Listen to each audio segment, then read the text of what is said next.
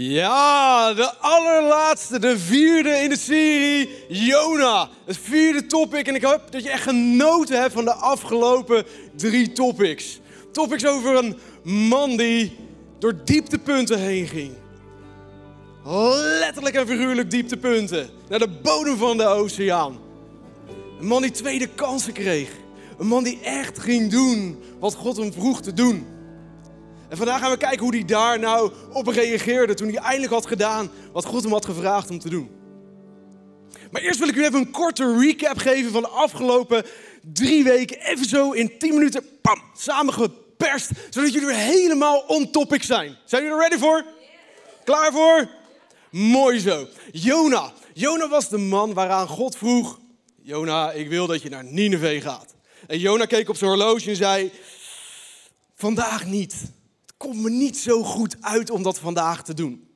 En in de plaats dat hij de eerstvolgende Uber pakte, 900 kilometer richting Nineveh, pakte hij de eerstvolgende vrachtschip, 4000 kilometer richting Costa del Sol, Spanje, richting Tarsis.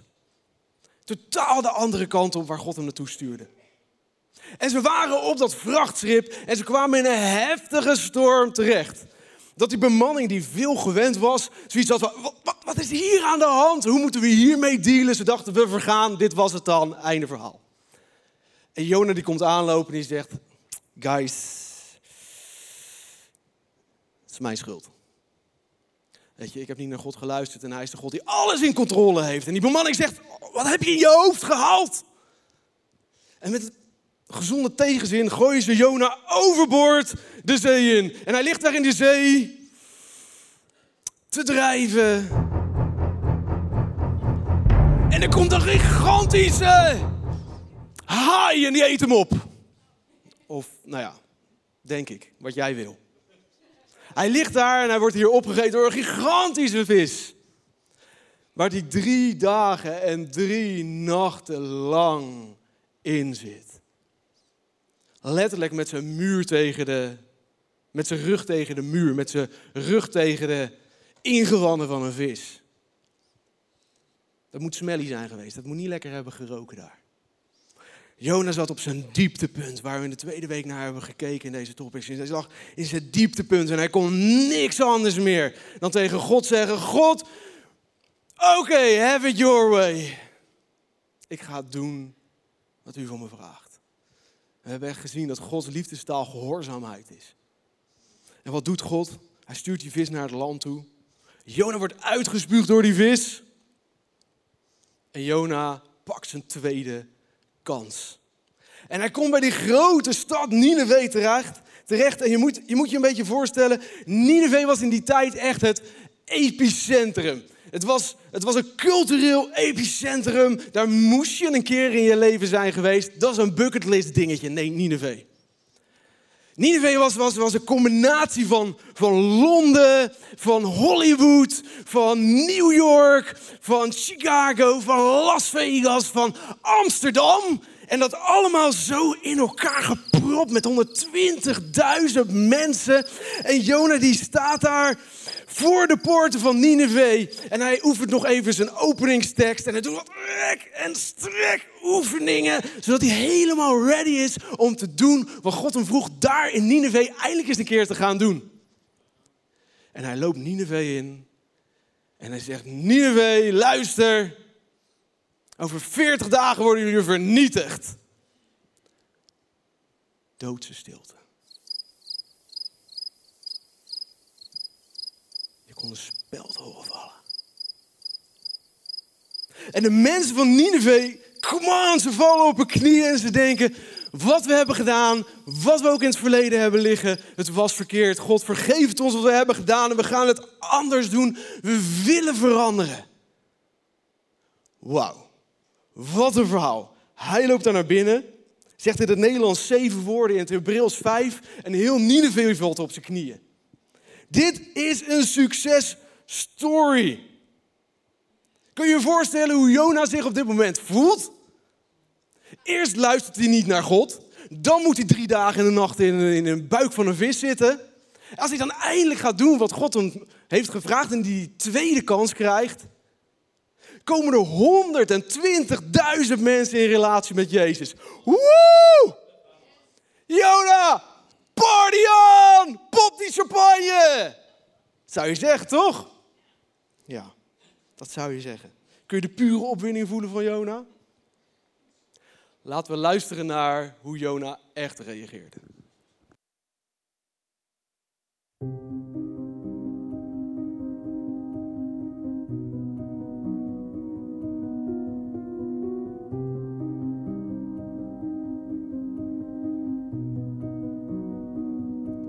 Jona was echt doorwoedend op God dat hij weer van gedachten was veranderd.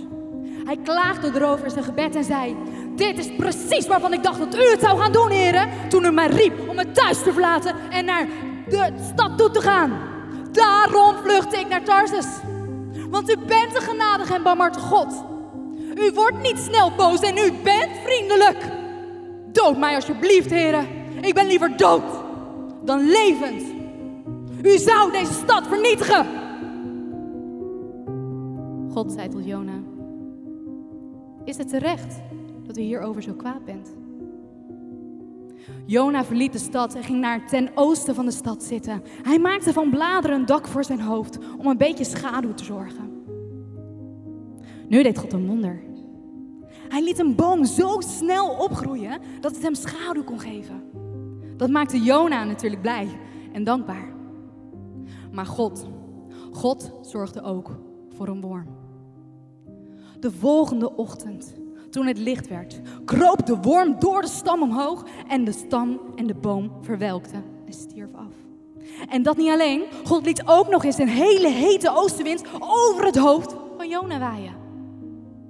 De zon begon te branden en te branden, dat Jona er zo duizelig van werd dat hij naar de dood verlangde. Vertwijfeld zei hij: ben liever dood dan dit. God zei tegen hem: Is het terecht dat u u zo kwaad maakt over deze boom? Ja, ik ben zo ontzettend kwaad dat ik er haast dood te ga, ja. God zei: U heeft medelijden met uzelf, omdat deze de boom dood is gegaan, terwijl het niet uw handen waren die deze boom gemaakt heeft en deze boom genomen heeft. Hoeveel te meer zou ik dan geen medelijden hebben met die grote stad met meer dan 120.000 inwoners, dan er niet te spreken van al die onschuldige dieren.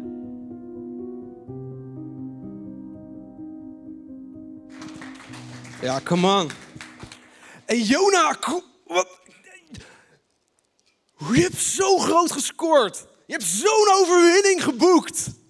Je loopt de stad in, je hebt één zin gezegd. Zeven woorden in het Nederlands, vijf in het Hebreeuws. En kom op, 120.000 mensen in relatie met Jezus.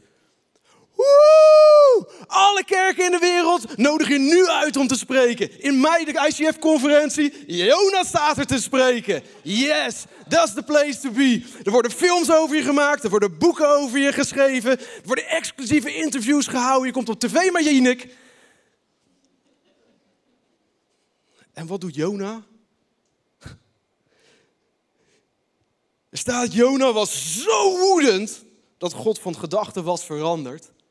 Jona, kom aan, ben je in de war? Wat gebeurt hier? Waarom ben je zo uit je doen? Waarom ben je zo heftig kwaad? Waarom ben je zo gefrustreerd van binnen? Waar komt dat vandaan? In het bril staat het woord ra. En dat betekent kwaadaardig, echt kwaadaardig kwaad. Het is, het is niet ra'a. Het is ra. Denk ik.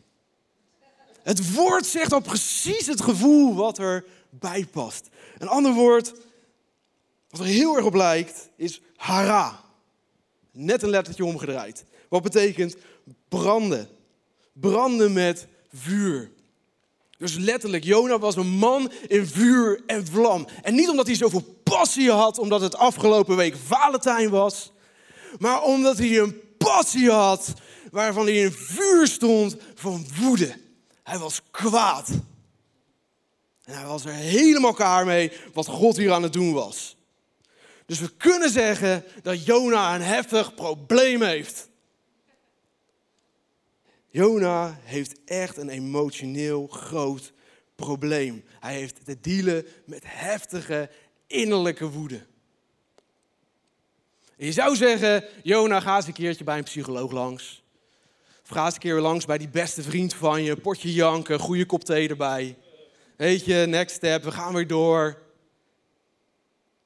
Laten we vandaag echt naar dit verhaal van Jona kijken, waar we net naar hebben geluisterd.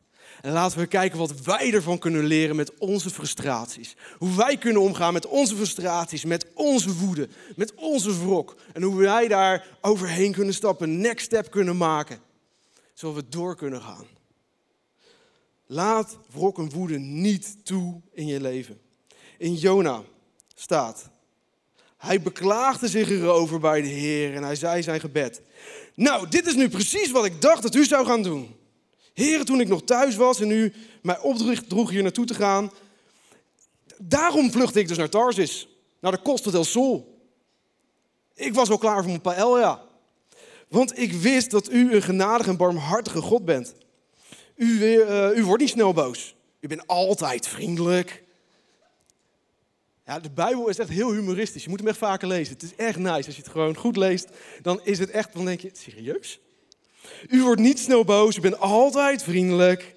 U wist, ik wist hoe gemakkelijk u ertoe zou kunnen besluiten af te zien van het plan deze mensen te vernietigen. Kom op, dood me! Ik ben liever dood dan levend dat ik hier naar moet kijken. Wauw, anger issues. En het grappige is, als je de vier hoofdstukken van Jona leest, dat hij twee keer bidt. Het was een profeet, het was een man van God. Je zou iets meer verwachten misschien van hem. Maar dat was twee keer dat hij ging bidden. Eén keer toen hij met zijn rug tegen de muur stond en de bui, in de buik van de vis, dat hij geen andere kant meer op kon dan naar God toe. En de tweede keer was toen hij boos was en dat hij innerlijke pijn ervaarde. Wanneer ga jij naar God toe? Als je boos bent, als je echt woedend bent, als je pijn ervaart, Alleen als je met de rug tegen de muur kan en de opties zijn er verder niet meer, dan maar naar God toe. Wat zijn de momenten dat jij naar God toe gaat? Want Jezus belooft dat hij zoveel meer is dan alleen jouw redder uit pijn. Hij belooft letterlijk een leven in overvloed. Dat is wie hij zegt dat hij is. Laat je relatie met God niet een relatie zijn die gebaseerd is op, op crisis. Ik heb me leren kennen in crisis, ik ga alleen naar naartoe met crisis en ik zie hem wel als er een crisis is. Nee, hij is een God die er altijd wil zijn, op ieder moment in je leven. En hij belooft je een leven in overvloed op het moment dat we daarin stappen. Dus Jona zit daar en hij is boos, hij is heel erg boos, hij is kwaad, hij is bitter tot op het bot. En hij zegt, oh Heer, is dit niet wat ik zei toen ik nog thuis was? Jona heeft hier echt zo'n, ik zei het toch, momentje. God, ik zei het toch, kom op. Ik wist dat u genadig en barmhartig bent. Ik wist dat u traag bent om boos te worden. Ik wist dat u snel bent om te vergeven. En dat u dat overvloedig doet. Voel je die passie die Jona hier heeft? Voel je die heftige passie voor zijn, voor zijn emoties, voor zijn woede, voor zijn frustraties die hij heeft? Hij zegt, oh God, kom op, neem dan maar mijn leven, want het is beter voor mij om te sterven dan te leven. Jona is zo boos voor het geval dat ik het je nog niet gezegd heb. Hij was hier zo kwaad dat God die Ninevieten wilde vergeven en dat hij het nog deed ook. En hij kan er simpelweg niet mee dealen. Hij kan hier niet mee omgaan. En oké, de mensen uit Nineveh, er waren geen lievertjes. Waarschijnlijk als jij en ik daar naar binnen liepen en ze vonden ons niet aardig, dan zouden ze ons pakken, zouden ze een fileermes uit hun zak pakken, zouden ze je fileren, levend. En daarmee rond laten lopen, ergens begraven in de woestijn, levend. Waren er mensen met misschien ook wel enige issues hier en daar. Dus Jona zegt: God, ik kijk hier naar. Ik zie alleen maar hoe slecht ze zijn. Ik zie hoe corrupt ze zijn. En ik kan niet geloven dat u deze mensen nou wil vergeven. Jona zegt: God, bedankt dat u zo geduldig met mij bent. Bedankt dat u mij een tweede kans hebt gegeven, maar ik ben niet geduldig met hun en ik zal u nooit, nooit, nooit, nooit, nooit een tweede kans geven. Bedankt dat u er voor mij bent.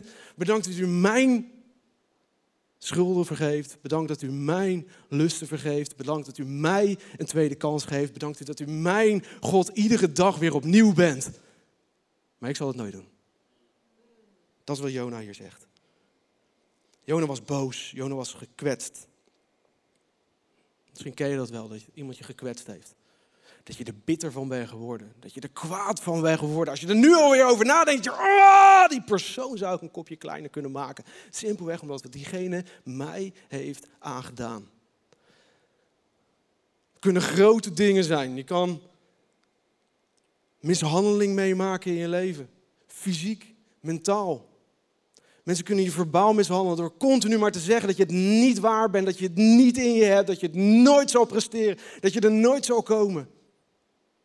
Kunnen grote dingen zijn, maar het kunnen ook kleine dingen zijn die zich opstapelen en opstapelen en opstapelen en opstapelen en opstapelen. Het kunnen soms hele kleine ergernissen zijn, waarvan we soms niet eens weten in het begin dat ze er zijn. Misschien is het wel je partner. Kijk nu niet naar links of rechts, want dat is zo duidelijk. Maar het zou je partner kunnen zijn.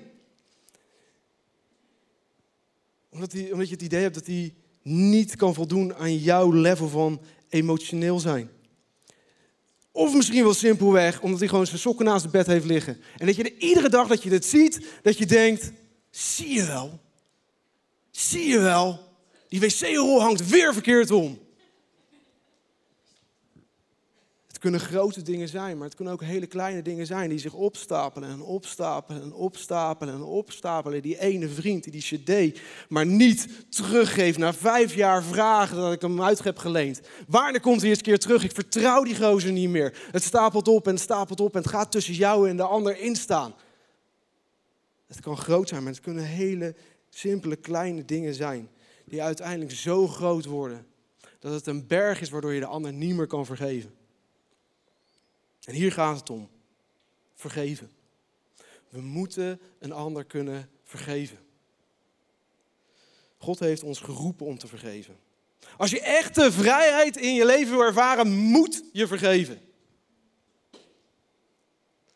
Matthäus staat, want als u de mensen vergeeft wat zij verkeerd hebben gedaan, zal uw hemelse vader ook u vergeven wat u verkeerd hebt gedaan. Maar als u hen niet vergeeft, kan de hemelse vader, hij kan je ook niet vergeven. Het gaat twee kanten op. We moeten mensen zijn die onvoorwaardelijk vergeven. Het is taf. Soms pijnlijk. soms heftig. Maar we moeten het doen. Wie moet jij vergeven? Wie moet jij vergeving vragen? Wacht niet. Doe het nu. Begin er vandaag nog mee. Om dat te doen.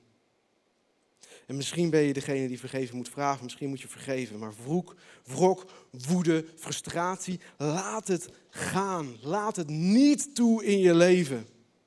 Wees er klaar mee. Want één ding is duidelijk, Jona was hier niet klaar mee.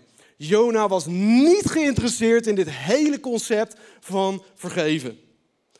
We lezen verder in Jona. Maar de Heere zei, kom Jona, is het nou wel terecht dat u hierover zo kwaad bent? Jona gaat, God neemt ook nog eens een keer de tijd om in gesprek te gaan met Jona. Jona, luister. Is dit nou wel helemaal eerlijk wat je nou doet? Kom op man, 120.000 mensen in relatie met, met mij. Die frustraties van je nou helemaal? Weet je, laten we het vieren. Weet je, gewoon partytime. En God die haalt een champagne binnen. En die zegt, Jona, fles voor jou, fles voor mij. We hebben wat te vieren wat hier is gebeurd. En als we het herlezen lezen in Jona, dan zien we dat hij niet eens op dit gesprek zit te wachten. Hij gaat er niet eens op in. Jona verliet de stad en zocht een plaats ten oosten van de stad. God zegt, hey Jona, ik come on, ik was met je aan het praten. En Jona zegt, yo, doei. En hij keert letterlijk zijn rug toe naar God. Hij heeft hier geen zin in. Hij gaat een spelletje spelen wat de meeste ouders spelen met hun kinderen op de achterbank in de auto. Wie het lang stil kan zijn, oké? Wie het langs. Jona verandert in, in een volwassen kind hier. Hij zit vol met frustraties, hij zit vol met woede en hij struggelt ermee. Maar wat doet God in deze situaties? Wat doet God in de situaties als we echt struggelen? De situaties waar we moeite mee hebben. Wat, wat betekent God voor ons in die frustraties hebben? Ja, God die Vertel. geeft ons wat we nodig hebben in onze frustraties. En wat we dan nodig hebben, lijkt misschien helemaal niet iets waar je op stond te wachten. Maar het is wel iets wat je nodig hebt. Dus wat doet Jona? Jona die zegt, weet je wat God, ik negeer jou. Ik ga lekker de stad verlaten. Hij klimt een berg op en hij pakt zijn tuinstoel erbij. Zet zijn sandalen uit, gaat er gezellig bij zitten. En hij denkt bij zichzelf, het zal wel God. En hij merkt, het is hier zo heet. Hij bouwt voor zichzelf een cabana, bestelt een heerlijk drankje en lekker eten. Mm. En wat doet hij? Hij wacht daar 40 dagen lang tot dat de stad vernietigd zou worden. Althans, dat hoopt hij. 40 dagen wacht hij daarboven om te zien of God de stad nog gaat vernietigen. En God, het zal wel wat u wilt. Ik ga toch kijken wat er gaat gebeuren. En het verhaal gaat verder. Lees met me mee. In Jona vers 6. Nu zorgde de Heer voor een wonder. Hij liet een boom snel opgroeien om Jona schaduw te geven en om zo zijn boosheid weg te nemen. En dat stemde Jona blij en dankbaar. Trouwens, de enige keer dat we lezen dat Jona blij en dankbaar was. Maar God zorgde ook voor een worm. Ook wel interessant. De ene keer voor een hele grote storm, een hele grote vis en nu een hele kleine worm. En de volgende morgen, toen het licht begon te worden, at het dier zich door de stengel van de boom, zodat deze verwelkte en stierf.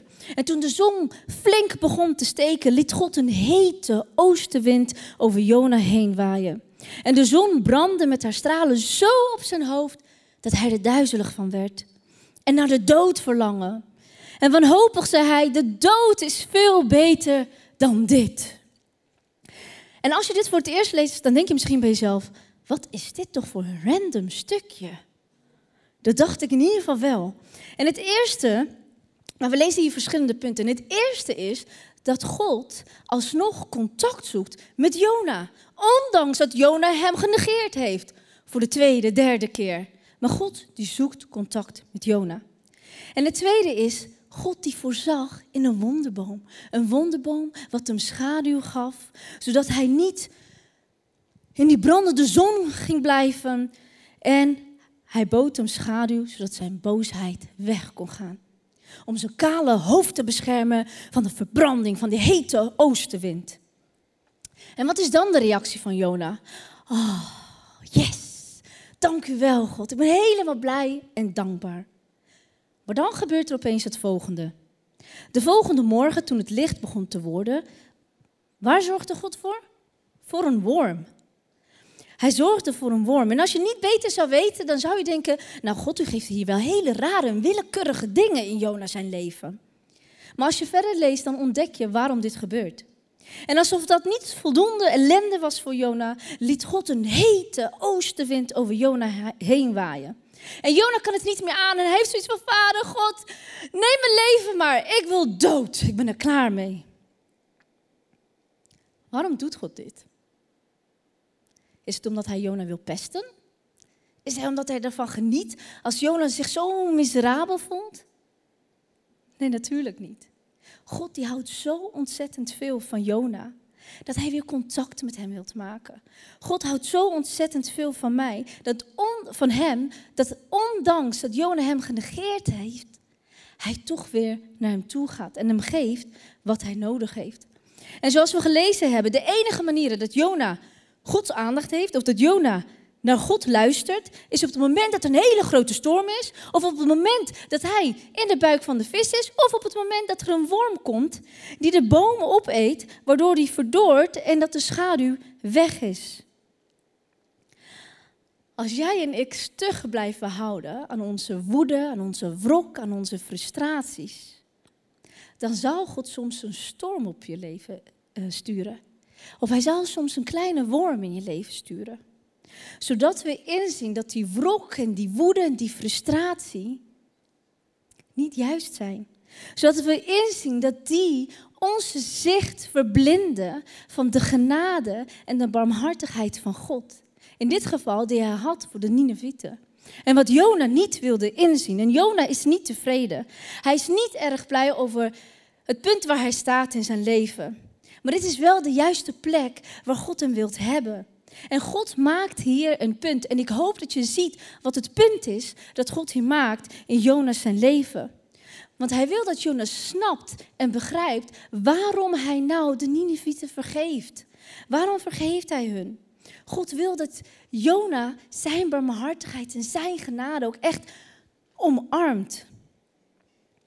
En hoe zit het met jou?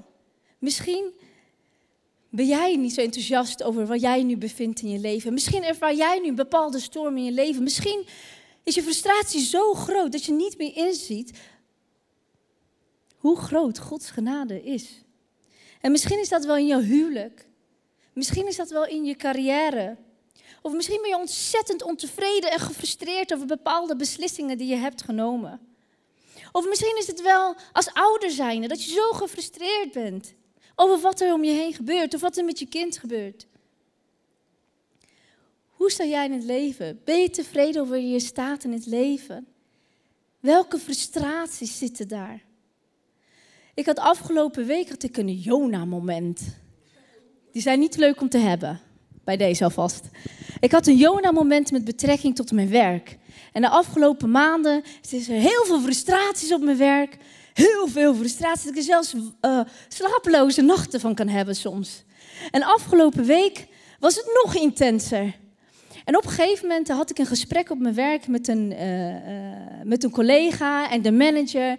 En het was niet zo'n leuk gesprek. Heel zacht uitgedrukt. Het was echt shit gewoon.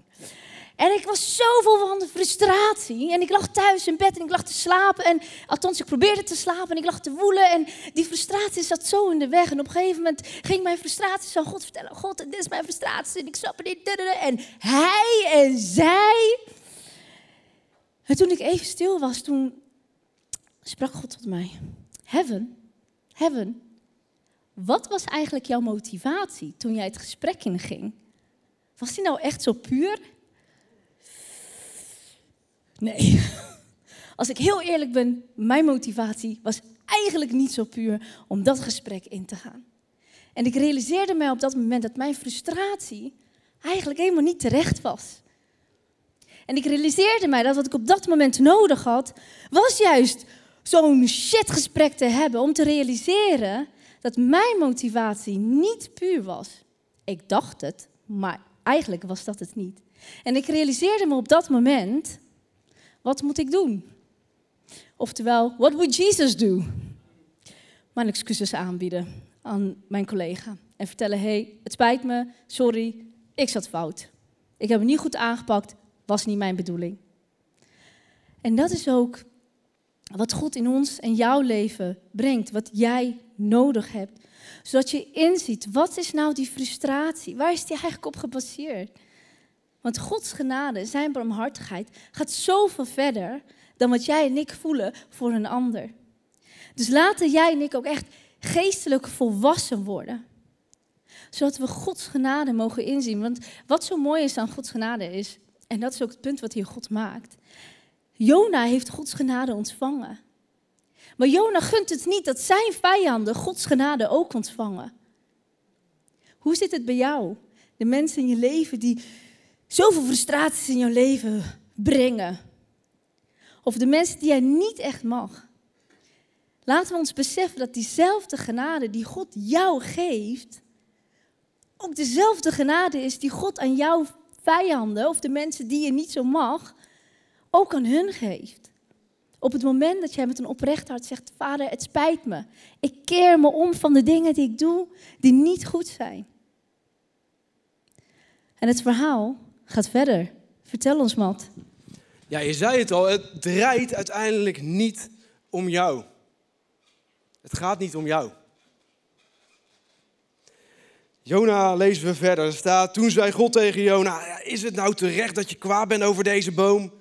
Ja, dat is het. Dat is het zeker. Je ziet het goed. Ik ben zo kwaad dat ik haar haast dood aanga. Jona is suicidaal over een plant. En ik heb een aantal kamerplanten thuis zijn. En ik heb geen groene vingers. Dat de helft nog leeft is een wonder. En Jona is hier suicidaal over een plant. En hier is de realiteit over Jona. Want het hele leven van Jona draait om Jona. Over zijn woede, over zijn onvergevingsgezindheid, over zijn troost, over zijn plant die God wegneemt. Het hele leven draait om Jona. Vraag aan mij. Vraag aan jou. Waar draait jouw leven om? Draait jouw hele leven om jou? Eerste reactie, absoluut niet. Het gaat om de mensen om me heen. Tweede reactie, neem de tijd. Ga echt zitten en erover nadenken. Heb ik mijn vriendschappen voor mij? Of ben ik er voor mijn vriendschappen? Als ik naar mijn financiën kijk, gaat het om mijn huis, mijn auto, mijn werk, mijn hypotheek, mijn lekkere eten, mijn vakanties? Of gaat het ergens anders heen? Als ik naar de kerk kom, kom ik dan om wat te halen? Dat mag. Maar kom je ook om te brengen? Als ik naar mijn gezondheid kijk, gaat het allemaal om mijn gezondheid? Of hebben we hier met z'n allen ergens mee te dealen? Als het om mijn werk gaat, ben ik alleen maar voor mijn promotie op promotie op promotie op promotie? Of gaat mijn werk over meer? Tweede reactie. Gaat mijn leven alleen maar om mij? Een heel groot deel wel. Een heel groot deel wel. En herken ik heel veel frustratie waar Jona hier ook nu mee deelt. Herken ik bijna dagelijkse frustratie en woede van de dingen waar ik doorheen heb moeten gaan de afgelopen jaren. Of de kleine dingen gewoon simpelweg de mensen die de auto voor me niet doorrijden. Waardoor ik heftig gefrustreerd raak.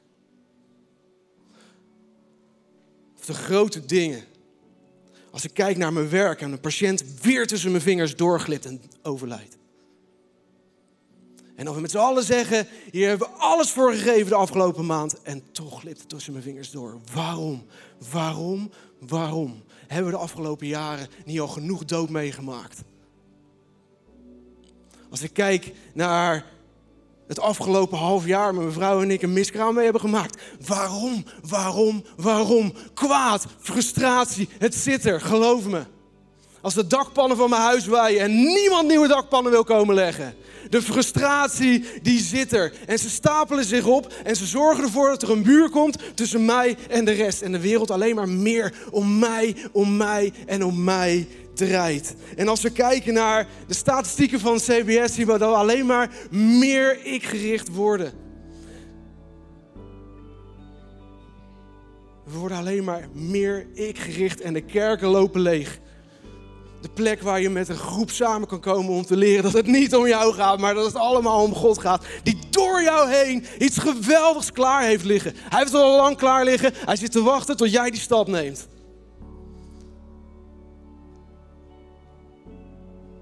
We worden steeds meer ik gericht. Om wie draait het? Het draait niet om mij. Het draait niet om jou. Dus Jona zit hier een potje te janken op de grond omdat hij zijn plant kwijt is. Hoe heftig gefrustreerd ben je dan? En dit is wat God tegen Jona zegt. Je hebt medelijden met jezelf omdat je beschermende plant dood is. Ook al was het niet jouw werk dat hij daar überhaupt stond.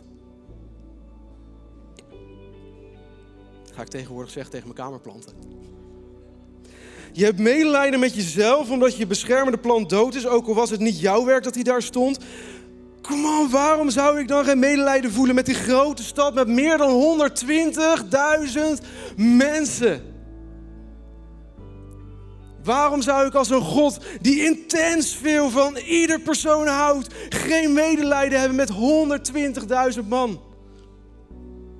die zich nergens bewust van zijn. Jona, het leven draait niet om jou. Het gaat niet om jouw woede. Het gaat niet om jouw onvergevingsgezindheid. Het gaat niet om jouw frustraties. Maar het leven gaat om Nineveh. Het leven gaat om Nineveh. Het leven gaat om die stad. Het leven gaat om de mensen die in die stad leven. We hebben het al vier dagen, vier weken over Jona die naar Nineveh toe moest gaan. Wat is Nineveh? Nineveh is het moment als jij je voordeur opentrekt en naar buiten stapt. Dat is Nineveh. Nineveh is alles wat buiten jouw voordeur afspeelt. We leven in een wereld die meer en meer ik gericht wordt. We leven in een wereld met gebroken huwelijken, kinderen die zonder ouders opgroeien. We leven in een wereld waar mensen geen dak hebben. We leven in een wereld waar mensen geen eten hebben. Dat is Nineveh. Alles buiten jouw voordeur. En God zegt: het leven draait niet om jou.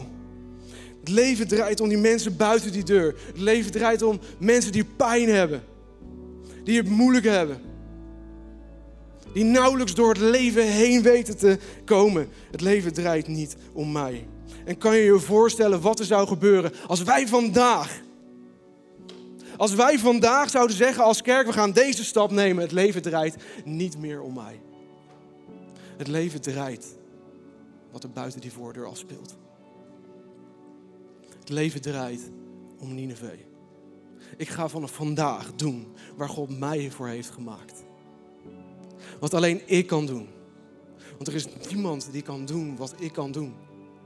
En er is niemand die kan doen wat jij kan doen. Met jouw shape, waar we het de afgelopen serie over hebben gehad. Met jouw speciale gaven, met jouw hart, met jouw aanleg, met jouw passie, met jouw ervaringen. Jij bent de enige die kan doen wat jij kan doen. En wat zou er gebeuren als wij zouden zeggen: vanaf vandaag gaan we dat doen. Vandaag gaan we een verschil maken voor die mensen om ons heen. Vandaag ga ik omkijken en een relatie bouwen met mijn buurman. Vandaag ga ik eens een keer voor die koken. Vandaag ga ik daar het gras maaien. Vandaag ga ik daar een stap zetten. Vandaag ga ik kerk bouwen. Omdat ik geloof dat Jezus er is voor iedereen. Ik geloof dat we een wereldwijde revolutie veroorzaken op het moment dat wij werkelijk die stap met z'n allen gaan nemen. Dat de kerken voller zullen zijn dan ooit tevoren. Dat de wereld er beter uitziet dan ooit tevoren. En dat Jezus kan doen niet liever wil doen. Een verschil maken. Echt een relatie met iedereen hebben. Jona, het leven gaat niet om jou. Matthias, het leven gaat niet om jou. Het leven gaat niet om jou. En het leven is kort. Het is kort. Het is kort. Het is kort. Het is heel kort. Zet vandaag die stap. Raak vandaag nog iemand aan. Maak vandaag nog het verschil. Hij is de God van de bergen, hij is de God van de dalen. Hij kan alles omzetten. En hij heeft een leven in overvloed voor je klaar liggen. Misschien zit jij op het punt dat God iets tegen je heeft gezegd en dat je maar niet wil luisteren. Dat je 4000 kilometer de andere kant op bent gegaan. En dat je zegt, God, dit is het moment. Ik ga niet meer verder rennen. Ik draai me op en ik ga doen wat u van mij vraagt. Nu, op dit moment, wil ik die stap zetten. Misschien zit je op een dieptepunt. Op de bodem van de oceaan als Jona. En zeg je, ik sta met mijn rug tegen een muur, maar nu focus ik me omhoog. Ik focus me naar God. Misschien ben je ready voor die tweede kans. God is ready voor de tweede, voor de derde, voor de vierde en vijfde kans. En nog zoveel meer heeft hij voor jou klaar liggen. Misschien zit je vol met frustratie. God is klaar voor je. Hij is klaar voor jou. En hij heeft een geweldig plan met jou. En de Bijbel belooft ons dat als we het aan Hem vertellen, dat Hij ons vergeeft. En als we het aan anderen vertellen, dat we worden genezen. En ik ben er klaar voor. Om te vergeven worden en te worden genezen. Om te doen wat God van me vraagt. Kom, laten we daarvoor bidden. Want soms moeten we eerst, voordat we anderen kunnen vergeven, voordat we om vergeving kunnen vragen, naar onze fantastische God toe gaan. Om Hem om vergeving te vragen, zodat we kunnen doen wat we moeten doen. Waarvoor we hier zijn. Vader, dank u wel dat u zo intens veel van ons houdt. Dat u nooit, maar dan ook nooit, maar dan ook nooit los zal laten. Wat u met ons van plan bent. En welke frustraties jij nu op dit moment met je meedraagt. Misschien heb je het al zo vaak bij hem neergelegd. Bid met me mee en leg het opnieuw bij hem neer. En laat het vandaag daar. Jezus, we willen deze stap nu zetten. Een stap vooruit, een stap naar u toe. En al mijn frustratie, al mijn pijn, alles wat anderen me aan hebben gedaan, alles wat ik mezelf aan heb gedaan, alles waar ik bang voor ben, alles wat ik tegenop zie, alles wat me tegenhoudt om te doen wie u zegt dat ik ben, leg ik nu bij u neer. Ik leg het nu bij u neer. En hier zal ik het laten, bij u, omdat ik weet dat u alles kan dragen. Omdat u uw hele leven en alles voor mij heeft gegeven, kan ik het hier bij uw kruis neerleggen. Vandaag wil ik een stap zetten naar vergeving toe. Vergeving naar mezelf. En omdat ik vergeven ben door u, kan ik anderen altijd vergeven. Hoe pijnlijk het dan ook soms is. Samen met u kunnen we het aan. En kan u ieder dal in een bergtop veranderen. Kan u iedere pijn in vreugde veranderen. Kan u iedere schaamte in kracht veranderen. En alles wat ik met me meedraag, bij u laten. En gaan doen waar u me vandaag voor heeft geroepen.